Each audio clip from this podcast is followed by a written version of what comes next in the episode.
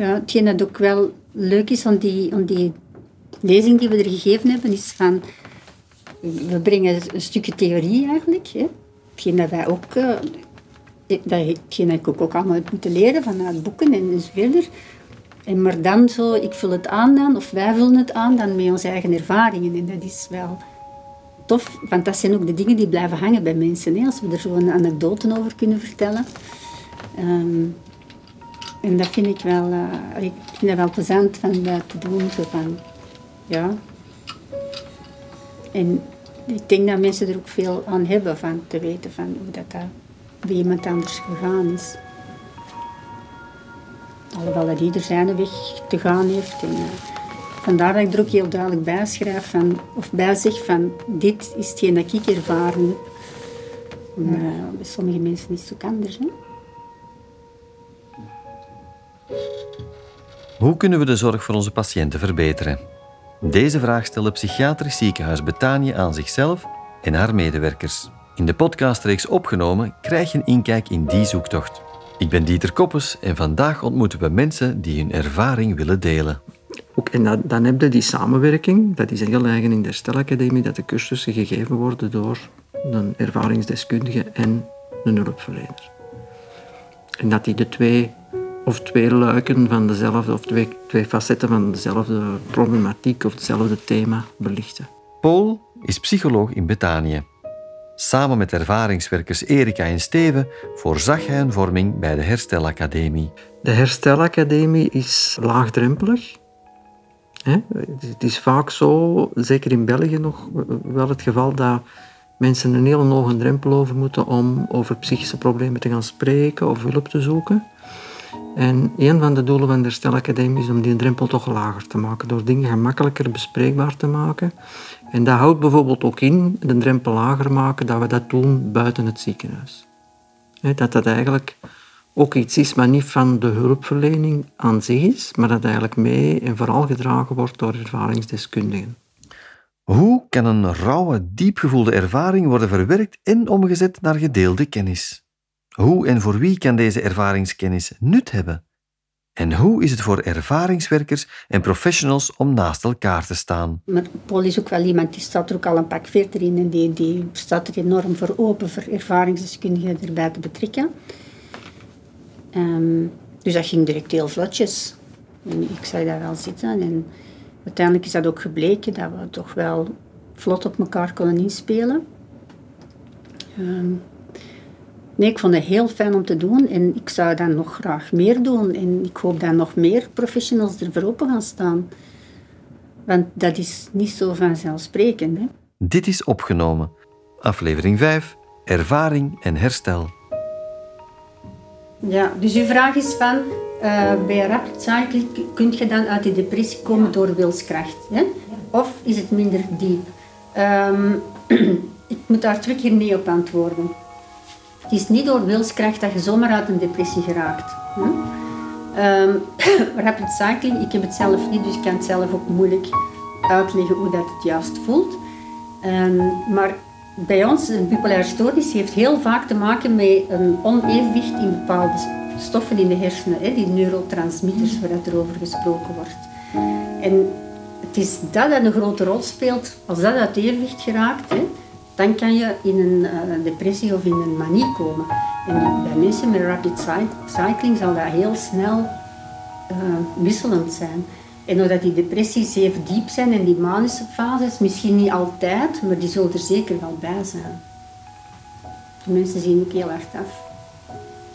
Mag ik, mag ik nog even zeggen wat, ja? ik, daarbij, wat ik daarbij denk, zo als, als reactie? Hè? Ja. Um, ik denk dat iedereen op elk moment probeert er het beste van te maken en probeert uh, terug naar een gezond evenwicht te komen als het niet goed gaat. Hè. Of daar of daar.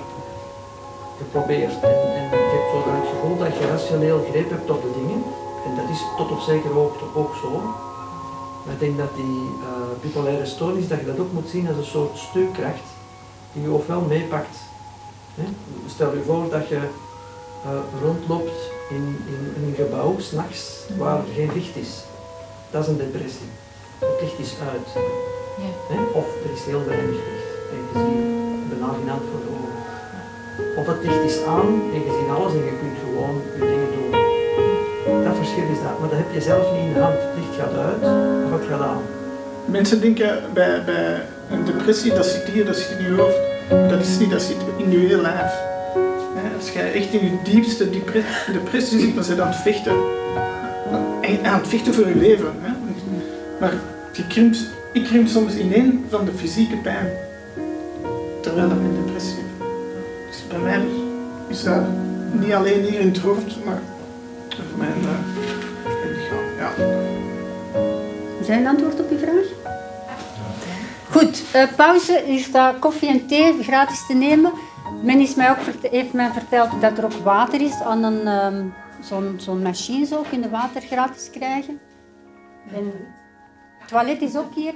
Mensen die zelf ervaring hebben met dat thema door het zelf mee te maken, ah ja, ik heb gezien die spreken op een andere manier. Die worden ook door uh, luisteraars ook wel uh, gepercipieerd op een andere manier. Hè. Die, dat, dat, dat komt toch op een andere manier binnen het belangrijkste verschil daarin voor de Herstelacademie is dat dat de drempel veel lager maakt. Dat maakt dat mensen gemakkelijker komen luisteren, maar ook vooral, en dat, was ook wel duidelijk in die eerste bijeenkomst, dat er ook veel gemakkelijker iets gezegd wordt. Dat mensen het, het oké vinden om iets van zichzelf te delen, omdat ze zien dat die ervaringsdeskundige ook iets van zichzelf deelt. Wat dat voor hulpverleners traditioneel niet zo vanzelfsprekend is om over de eigen kwetsbaarheid te, te spreken. Dat is iets dat je dan als hulpverlener aangeleerd krijgt, dat moet je niet doen. Hè? Ik haal er heel veel energie uit. Um, maar dat is sowieso, hè. mensen helpen, dat, dat geeft een goed gevoel. En, um, dus ik kan dat nu vanuit mijn eigen ervaringen doen. Um, ik sta voor groepen en ik kan uh, over, over de moeilijkheden die ik heb meegemaakt uh, praten. Ik kan tips meegeven.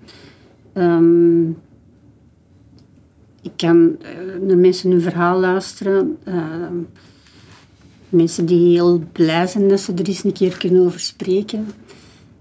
Um, dus ja, eigenlijk geeft mij dat wel een beetje een boost iedere keer. Het geeft heel veel mijn zelfvertrouwen, die heeft dat heel veel opgekrikt. Ook de getuigenissen die ik ga geven en zo, dat is toch wel ook voor een stuk van, ja kijk, ik word gezien, ik word nu gezien en ik mag hier staan en ik mag hier vertellen over de moeilijkheden die ik heb meegemaakt. En ehm, dat wordt zelfs gewaardeerd. En, en vaak hoor ik ook zo van, uh, goh, dat is toch wel moedig dat je het allemaal kunt brengen. En dat is wel leuk omdat je dat, je dat, kunt, dat, je dat hoort. En, uh, en het lukt mij ook goed. Ik heb... Ehm, geen last van, van een zelfstigma bijvoorbeeld. Um,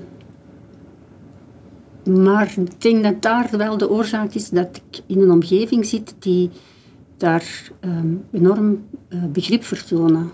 Dus, um, dus, mijn familie en mijn, mijn gezin en mijn vriendenkring, die nemen mij zoals ik ben. En er is niemand die mij heeft laten vallen, omdat ik een, uh, een bipolaire stoornis heb. En ondanks het feit dat ik in mijn manie toch wel een aantal dingen gedaan en gezegd heb, um, is me dat allemaal uh, vergeven. En, um, en ja, door voor die groepen te staan, leer ik ook mezelf nog beter kennen, omdat ik nog dingen hoor waar ik misschien zelf niet bij stilgestaan heb. En, um, dus ja, zeker en vast dat dat in mijn herstel geholpen heeft. Vroeger werd er vooral gedacht in termen van medisch herstel. Dat wil zeggen minder symptomen of minder erge symptomen. En van, daaruit dacht men, als je minder symptomen hebt, dan staat er terug meer, dan gaat het beter functioneren, dan kun je terug naar huis, kun je terug je rollen opnemen.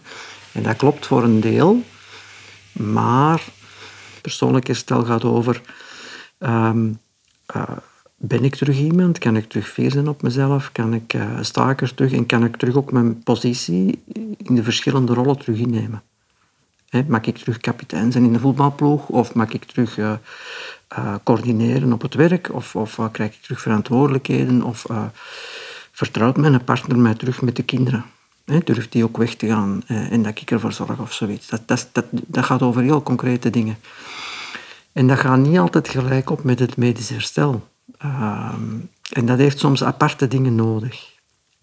Um, vandaar, Herstelacademie is ja, dan eigenlijk vooral de nadruk op dat persoonlijk herstel. Wat kunnen mensen zelf doen? Uh, kunnen zij zelf ook uh, mee de regie houden van, hun eigen herstel. Dat is al heel belangrijk natuurlijk. In plaats van gewoon stilzitten, niet ademen, wat vroeger bij de dokter was. Ehm, is het nu eigenlijk vooral zorgen dat je wel uit de pijp komt, dat je verlangens uitspreekt, dat je terug in gang geraakt. en dat je dat ook dat dat ook de eerste stappen zijn en dat de hulpverlening daarbij aansluit in plaats van andersom. Heel concreet, er is nu iemand op de afdeling binnengekomen, dat, dat was heel zorgelijk. Eh, gaat dat goed gaan, gaat dat niet goed gaan? En een van de eerste dingen, als die, als die jonge man ondervindt van het gaat een beetje, beter, dan vraagt hij van, zou ik woensdag niet terug naar mijn voetbalclub kunnen, want dat doet mij eigenlijk deugd. En dat was iets daar tien jaar geleden, zouden van gedacht hebben, ja, we moeten toch eerst zeker zijn dat hij voldoende hersteld is. En nu zeggen we van, als we denken dat de risico's niet te groot zijn, vooral doen. Vooral doen, hè, want daar gaat iets vinden dat je bij ons niet vindt. De normale dingen terug, hè, iemand buiten zijn. Dus daar zitten we nu op een kantelpunt en die herstelacademie die, die, die ondersteunt dat eigenlijk ook. Hè. Aan Betanië is een heel netwerk van ervaringswerkers verbonden. Ook Mick geeft regelmatig vormingen bij de herstelacademie, samen met de psychiatrisch verpleegkundige Lisa. Vanuit het onderzoek zijn er dus inderdaad vijf problematiserende en dus stigmatiserende frames gekomen en zeven deproblematiserende en dus destigmatiserende. Ik vind daar, als hulpverlener vind ik voor mezelf daar ook wel vaak wel rust in. Dat je zo altijd op dezelfde manier naar iemand kijkt en je voelt, ik zit daar wel in vast en dat heeft een negatieve impact op mij, want ik frustreer me erin en voor de andere, want je voelt dat ik gefrustreerd ben en dat ik misschien dingen niet meer wil doen of dergelijke. Dan is het alles handig om daarbij stil te staan bij die problematiserende brillen dan. En om eens te kijken van oké, zijn er nog andere brillen dat ik kan opzetten zodat ik toch met, met hij of zij verder kan. Zo. Het lijkt een mozaïek. Een mens is veel meer dan alleen dat monster of die diagnose of dat trauma. Ik ben Mick. Ik ben verslavingsgevoelig. Ik heb een knurt van een trauma. Ik heb een heel kort lontje. Ik ben ook een lieve man. Ik kan geen algemeen Nederlands spreken. Ik kan wel heel veel Antwerps ja, dus ik ben een mozaïek en in totaliteit ben ik de Mik. Ben ik. In totaliteit ben ik Mik en in totaliteit is ook Lisa. Mm -hmm. En dat je dat kunt zien, zo in totaliteit, vind je wel een hele grote stad. Dus zo, mensen worden ook gevormd door hun leven. Hè. Ja, al hetgeen wat je meemaakt, zowel het positieve als het negatieve, zorgt dat je daar zo staat in die hoedanigheid dat je er Dat is een hele grote puzzel. Ja, puzzel is dat ook meer dan alleen dat. En dan een beetje alluderend op wat Rolf feedbactig is, dan even in de rol van patiënt, ex-patiënt. Als je als patiënt zelf, maar jezelf ook niet als mozaïek kunt zien, is een tegen dat niet goed is. Want dan zie je alleen effectief dat trauma. En dan, zie je, en dan is het wel goed dat de omgeving zegt zo van, hey, je bent veel meer dan dat trauma, mm. ja. of je bent veel meer dan dit of dat. En dat is zo'n beetje wat grote wilt aangeven. Ja. Mm. Mm. Gewoon allemaal, hè. het is zo dat ervaringswerker worden niet alleen maar omdat je ervaring hebt. Hè. Je, je, volgt wel een traject waarin dat je leert om die ervaring ook uh, constructief en nuttig in te brengen. Om anderen te helpen. Want dat zijn, hè, dat zijn een paar stappen eigenlijk. Uh, het is niet omdat je heel veel ervaring hebt, dat je dan 1, 2, 3 uh, ervaringswerker bent.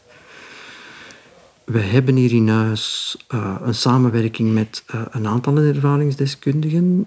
Ik denk de ervaringsdeskundigen hier in huis, daar weet ik van dat die een scholing hebben gevolgd, een bepaalde cursus. Uh, maar het kan ook zijn dat je het leert aldoende onder begeleiding dan van mensen. Maar het is altijd wel een soort leer, een leerproces. Ja. Ik heb graag dat de vragen gesteld worden, meer hoe liever. En dan probeer ik een beetje een uitleg te geven. Ik ga dat ook proberen naar iedereen. Hè. Ik probeer zoveel mogelijk te vertellen over mijn uh, psychische kwetsbaarheid. Omdat, ja, dat is bij mij ook een beetje mijn, mijn steentje dat ik wil bijdragen tegenover het stigma dat daar heerst. Zo van naar buiten te komen en zeggen van, voilà, ik heb een psychische kwetsbaarheid. En eventueel te vertellen van, ik heb in de psychiatrie gezeten en zie ik staan hier, ik zie er ook heel gewoon uit en ik kan ook meedraaien in de maatschappij. Dat is zo wat mijn, uh, ja, moet ik dat zeggen, missie? ik weet het niet. En meestal krijg ik er heel positieve reacties op. Heel soms krijgen ze mensen die even verschieten Ik heb wel zo gehad een vrouw, en die was mij zo van boven tot onder bekijken. Maar een vrouw waar ik eerst een gewoon gesprek mee had. En dat ik dus in dat gesprek vertelde over... En ineens begon die zo te scannen. ik, heb dat, ik heb het daar helemaal niet, helemaal niet moeilijk mee. Kan dat dan ook heel goed bij de persoon laten. En, en zeggen van, ja, kijk... Dat is misschien die de eerste keer dat hij ermee in aanraking komt. En de tweede keer was er misschien al iets anders mee omgaan. Ja, ik wil zoveel mogelijk... Ja, niet uh, dat ik bij de bakker sta, dat ik tegen iedereen het begin uit te leggen. Maar als ik met mensen een gesprek heb en dat komt ergens van toepassing in dat gesprek, zal ik het zeker niet laten om het niet te zeggen. Integendeel, ik zal het eerder opzoeken. ja. Ik ben ook wel iemand die snel spreekt. Erover, ja. Hm. Uh, ook om het eigenlijk open te trekken. Hè. Dus een beetje hm nee, ik denk ook uw, uw betrachting om zoveel mogelijk mensen naar buiten te kunnen laten komen met hun probleem en met, met hetgeen wat ze er willen rondvertellen. Dat, dat de, de naasten het ook allemaal wel wat meer. Iets dat je niet kent, daar is je schrik van. Hè. Dat is ook zo. Hè? Ja. En onwetendheid, dat geeft, dat geeft een soort angst. Um, ja, maar dat ze maar niet zouden zeggen, oh, wat is dat? Ja, dat kan ik weet niet wel zijn, hè, want ja, als je het kent en je weet hoe dat je ermee moet omgaan, of wat dat de stappen zijn om met een bepaalde episode om te gaan, dan uh, is het gemakkelijk. Hè? De bedoeling is van een soort netwerk te vormen waarin dat specifieke vragen wat meer aan bod kunnen komen. En de bedoeling is dat dat een aanvulling gaat zijn op wat dat vroeger, wat ik zei, zo vroeger was er vooral een veel inzet op de hele zware behandeling met opname. Of je moest ambulant bij iemand terechtkomen, of je moest direct naar een heel zwaar hè, dagtherapie of, of, opname. En er was eigenlijk weinig tussen. En nu wordt er veel meer gewerkt aan het creëren van tussendingen. Maar dan zullen we het hierbij afronden. Ja, dat gaat u persoonlijk. Dankjewel voor het komen. En uh, de mensen die zin hebben om naar op zijn Dames Braschaat te komen, welkom.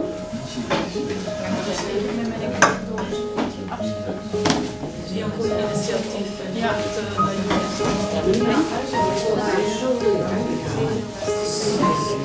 Je